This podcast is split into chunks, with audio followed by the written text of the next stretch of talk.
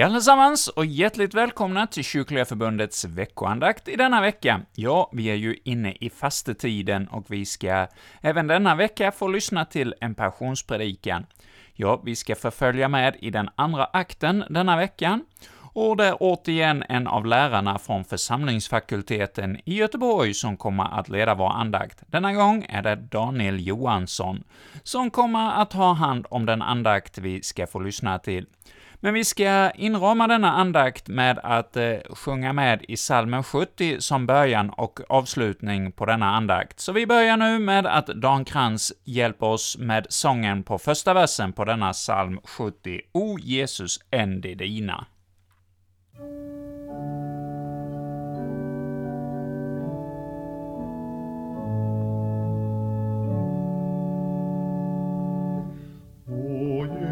Jesus, än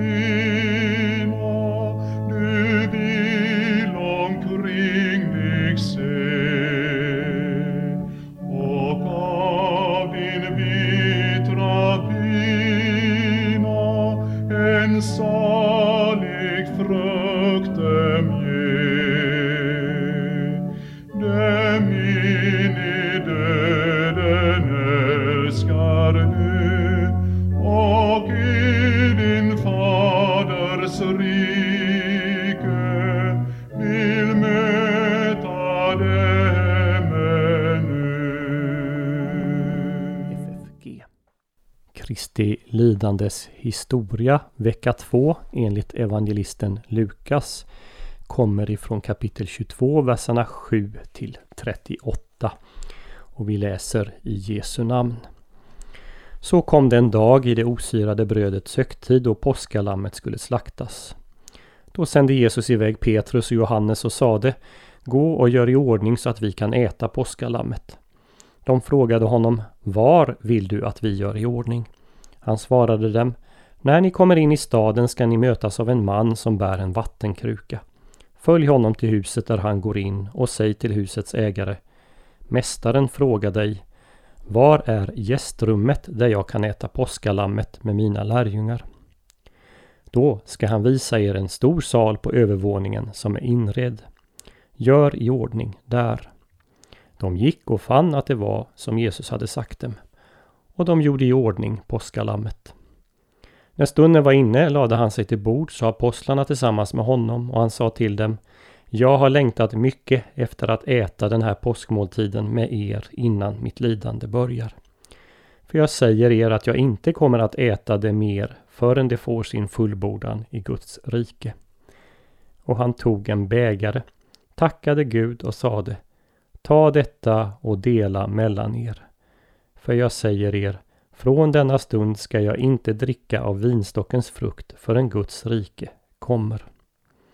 Och han tog ett bröd, tackade Gud, bröt det och gav åt dem och sade Detta är min kropp som blir utgiven för er. Gör detta för att minnas mig. På samma sätt tog han bägaren efter måltiden och sade denna bägare är det nya förbundet genom mitt blod som blir utgjutet för er. Men se, den som förråder mig har sin hand med mig på bordet. Människosonen går bort som det är bestämt, men ve den människa genom vilken han blir förrådd. Då började de fråga varandra vem av dem det kunde vara som skulle göra det.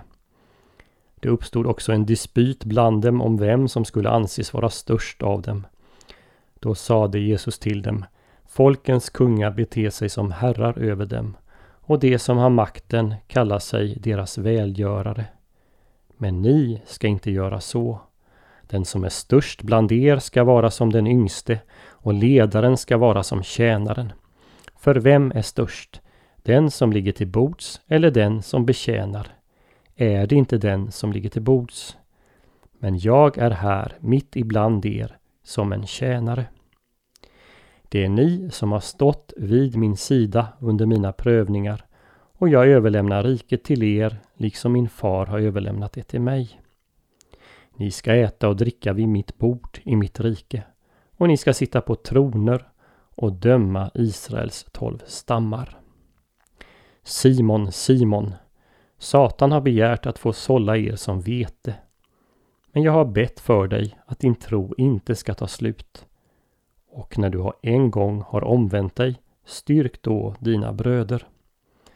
Då sa Petrus till honom, Herre, med dig är jag beredd att gå både i fängelse och i döden. Jesus svarade, Jag säger dig Petrus, tuppen kommer inte att gala i natt förrän du tre gånger har förnekat att du känner mig.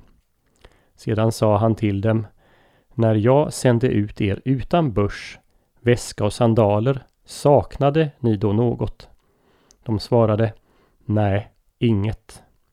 Men nu, sade han, ska den som har en börs ta med den och likaså den som har en väska. Och den som inte har ett svärd ska sälja sin mantel och köpa sig ett, för jag säger er att detta som står skrivet måste uppfyllas på mig. Han blev räknad bland förbrytare. Det som är sagt om mig blir nu uppfyllt.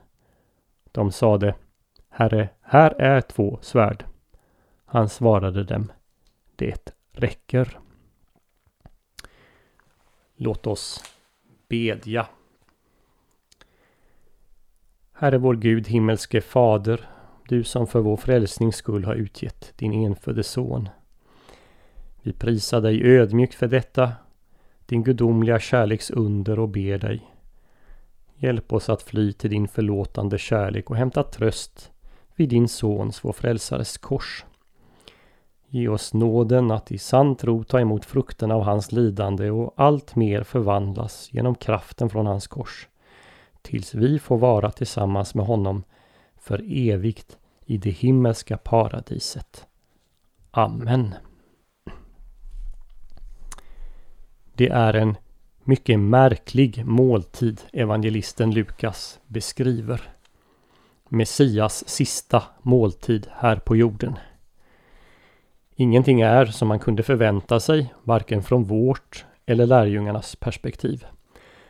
Men just därför är den så minnesvärd. Och vi ska därför samla våra tankar under ämnet En märklig men minnesvärd måltid. En märklig men minnesvärd måltid. Och det kommer att bli fem stycken korta punkter. Den första, en märklig minnesmåltid. Måltiden som allt det vi läste om utspelar sig under är först märklig därför att den hade inrättats under de mest märkliga omständigheter omkring 1500 år tidigare. Den yngste som närvarade vid påskmåltiden skulle fråga sin far varför de åt denna annorlunda måltid. Och då skulle fadern berätta hur Herren Israels Gud på ett märkligt sätt och genom märkliga medel räddat sitt folk från slaveri i Egypten. Fadern skulle berätta det som hans far berättat för honom och som hans farfar i sin tur berättat för sin far, eh, för sin son och så vidare. Ända tillbaka till den generation som hade varit med där och erfarit hur förundligt Gud hade handlat. Det är detta som är katekes. Man återekar, återljudar vad man själv har hört och lärt. Barnen frågar och föräldrarna svarar för att barnen när de själva får barn ska kunna berätta för sina barn. Men det hade inte bara skett märkliga saker där nere i Egyptens land. Det som Lukas berättar för oss om måltiden är också märkligt. Det är mycket som inte tycks stämma. Om man lägger beskrivningen av måltiden från Andra Mosebok 12 och Guds instruktion till Mose och folket bredvid det evangelisterna berättar kan man undra om det är fråga om samma måltid. Mose hade instruerat Israels barn att påskmåltiden skulle ätas med hast, stående, med bältet om livet, skor på fötterna och stav i hand. Jesus och hans lärjungar å andra sidan intar den mest behagliga av alla ställningar, det grekiska symposiets position, där man ligger till bords på sköna kuddar och kan föra långa samtal. Andra Mosebok berättar inte om något vin. Lukas berättar att Jesus och hans lärjungar drack två bägare vin. Och av andra källor vet vi att man drack fyra bägare vin vid påskmåltiden vid den här tiden. Husfaden skulle vid uttåget från Egypten själv slakta lammet och stryka blodet på dörrposterna för att mordängen skulle gå förbi. Vid Jesu tid gick man upp till templet med sitt lamm. Prästerna offrade det och utgöt dess blod vid foten av altaret. Det var bland annat det Petrus och Johannes skulle göra när de skulle förbereda måltiden. Den måltid som från början skulle ätas i hast därför att egyptierna skulle tvinga Israels barn att lämna landet hade med tiden blivit en ganska lång glädjemåltid med fasta ordningar av salmer som skulle sjungas. De så kallade Hallelsalmerna 113 till 118 i Saltaren och böner som skulle läsas och bägare som skulle drickas. Och den ordningen kunde lärjungarna sedan barnsben. De måste ha blivit mycket förmånade när Jesus plötsligt ändrade i den. Messias lät den märkliga måltiden genomgå en metamorfos, en förändring. Tiden var nu inne för att måltiden till minne av uttåget skulle bli Messias måltid. Och det leder oss till det andra vi ska stanna inför. Minnesmåltidens metamorfos till Messias måltid. Minnesmåltidens metamorfos till Messias måltid. Jesus hade som det stod i den gamla äldre bibelöversättningen högeligen åstundat att fira denna måltid. Han hade längtat efter den. Tiden var inne. Under Gamla Testamentet hade Herren Gud flera gånger instiftat förbund just i samband med måltid. Så hade han gjort med Abraham och så skedde vid Sinai. Nu var tiden inne för det efterlängtade nya förbund profeten Jeremia utlovat i det 31 kapitlets 31 vers. Jesus, Messias, låter därför måltiden genomgå tre metamorfoser. Den första, det är att det från och med nu ska firas till Messias minne. Nu är det första uttåget ett minne blott. Det var en förebild till ett fullkomligare uttåg, en skugga av det som skulle komma. Påskmåltiden blir Herrens heliga måltid eller Herrens heliga nattvard instiftad till Messias minne, till hans offerdöds minne. Gör detta för att minnas mig, instruerar Jesus sina lärjungar. Vi kan knappast föreställa oss hur omvälvande detta måste ha varit för lärjungarna där och då. Bara Gud själv kan göra sådana genomgripande förändringar. Men det var Människosonen, Messias, Mästaren, som satt framför dem. Den andra förändringen som sker det är att han instiftar det efterlängtade nya förbundet. Denna bägare är det nya förbundet genom mitt blod som blir utgjutet för er, säger Jesus. I Jeremia hade Herren sagt Se, dagar ska komma då jag sluter ett nytt förbund med Israels hus och med Judahus. Och här satt deras mästare och slöt detta förbund med dem.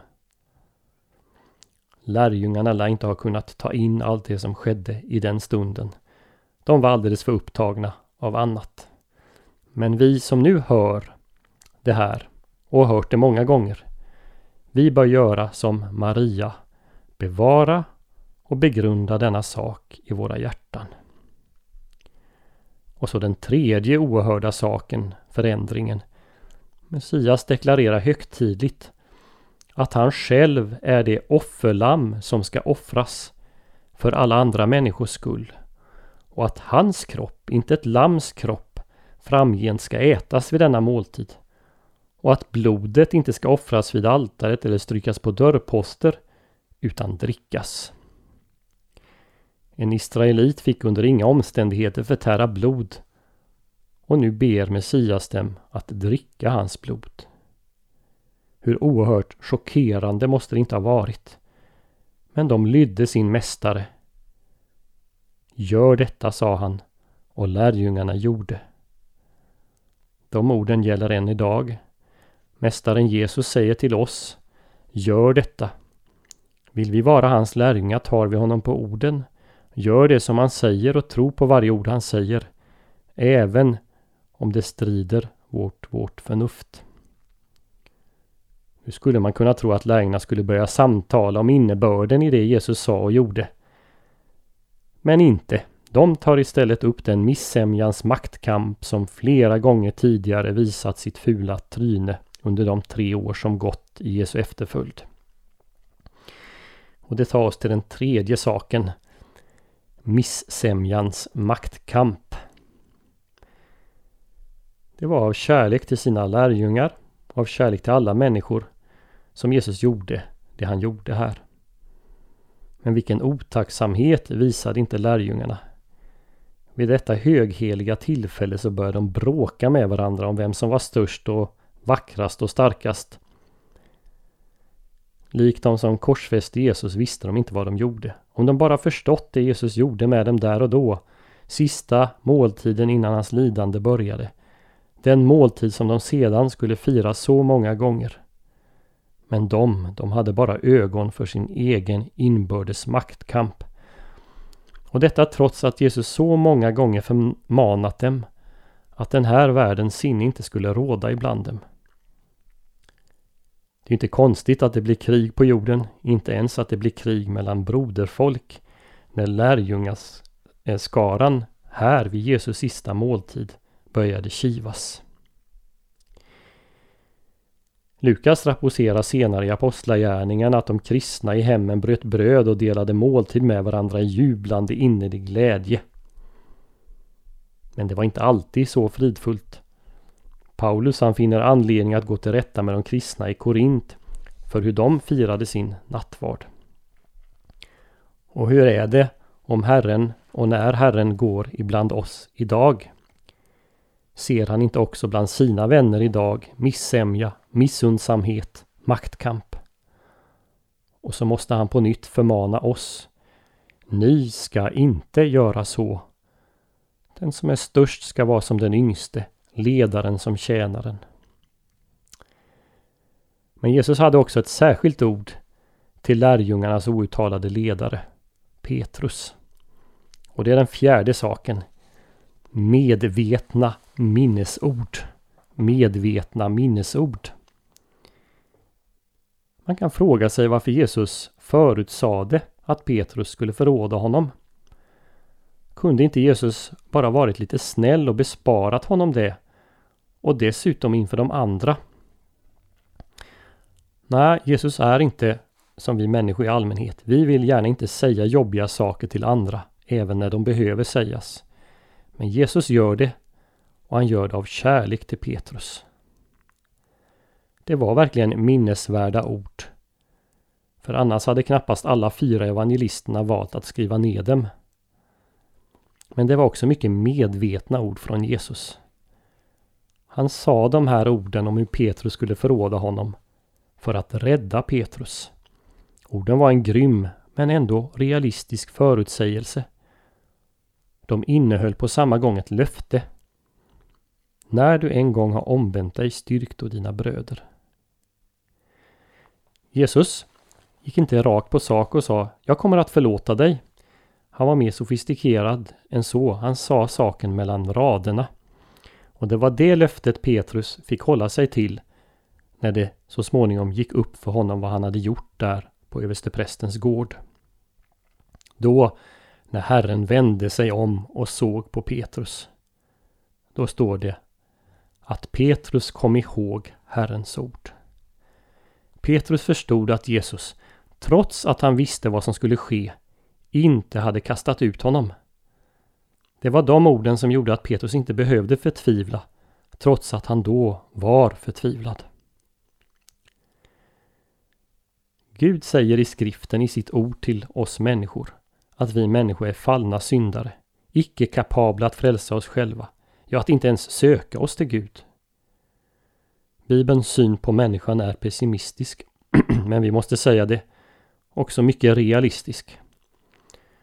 De flesta människor avskyr vad Bibeln har att säga om människan.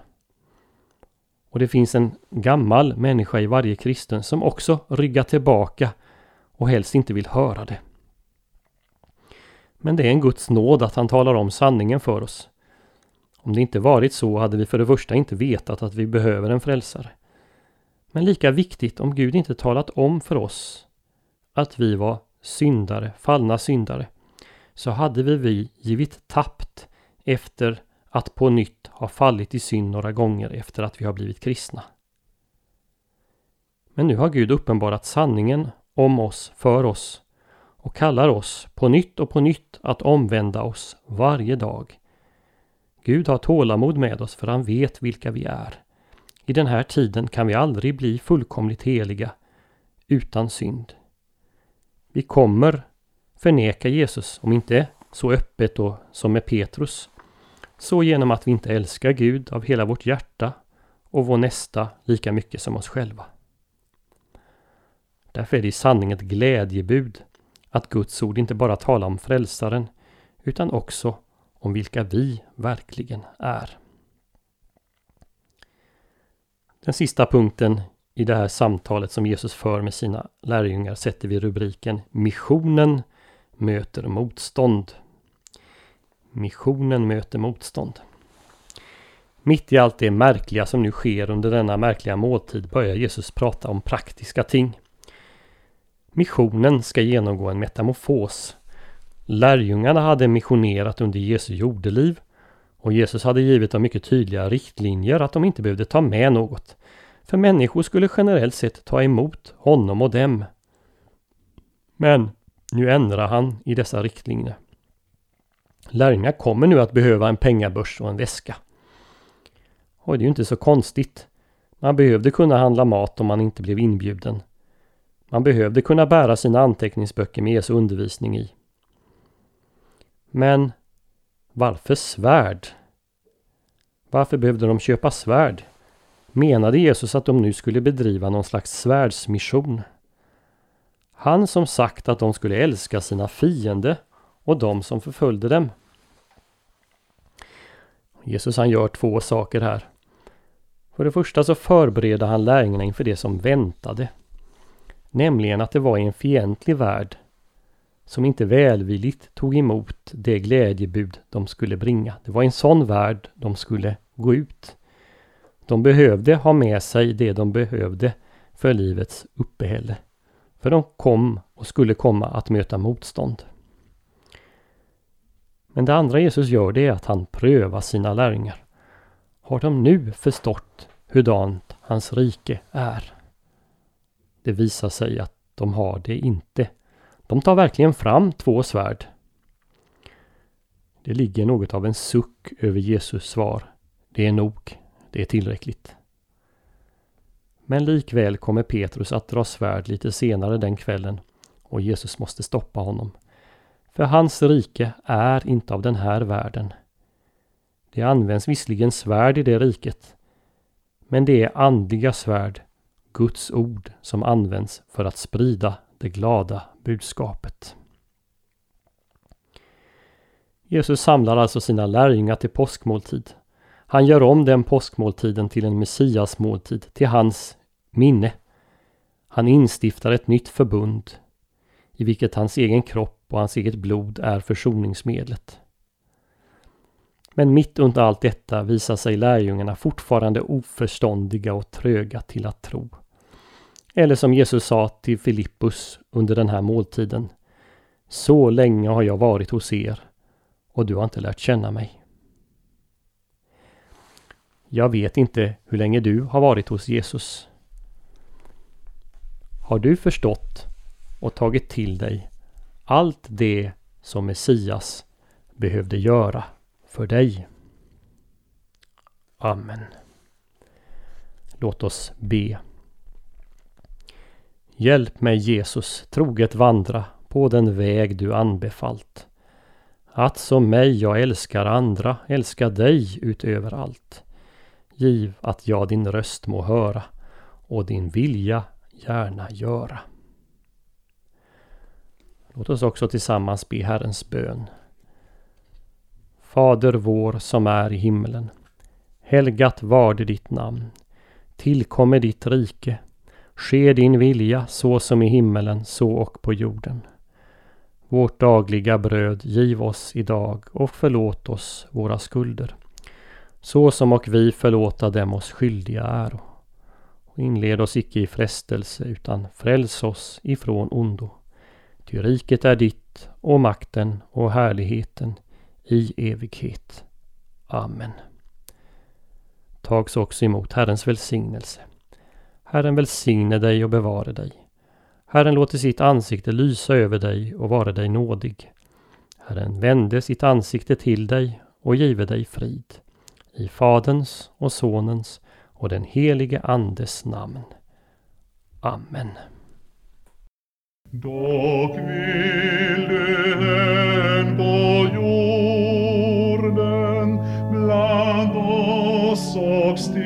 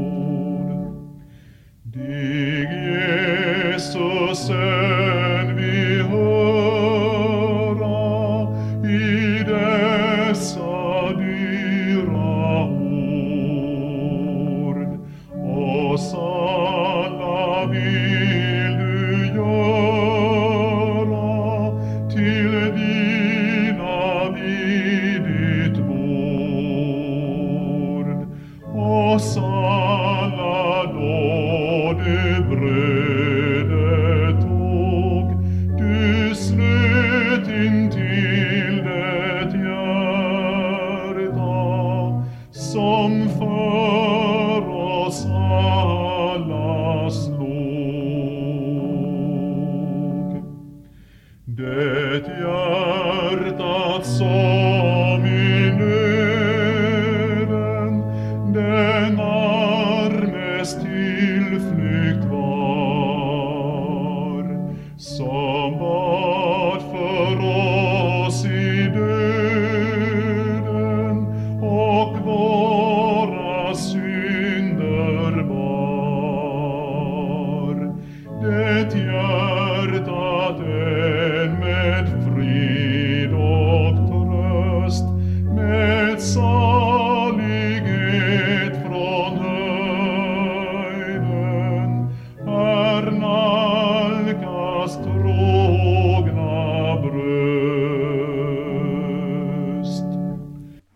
Verserna 2 till 4 var det som vi lyssnade till här på salmen 70 som avslutning på Kyrkliga Förbundets veckoandakt denna vecka. Och idag fick vi höra en betraktelse med Daniel Johansson, en av lärarna på församlingsfakulteten FFG i Göteborg. Och det är lärarna på FFG som eh, även detta år hjälper oss med våra passionsandakter här under fastetiden. Och det var idag andra avsnittet av eh, denna serie, och i nästa vecka är du återigen välkommen att höra en ny veckoandakt med en ny passionspredikan. Och har du inte möjlighet att lyssna till eh, de här andakterna när de sänds i närradion, antingen i Borås eller Växjö, och du har tillgång till internet, gå då gärna in på vår hemsida, kyrkligaförbundet.se. Där kan du, när du själv vill, lyssna till alla våra veckoandakter. Och med detta säger vi tack för denna vecka.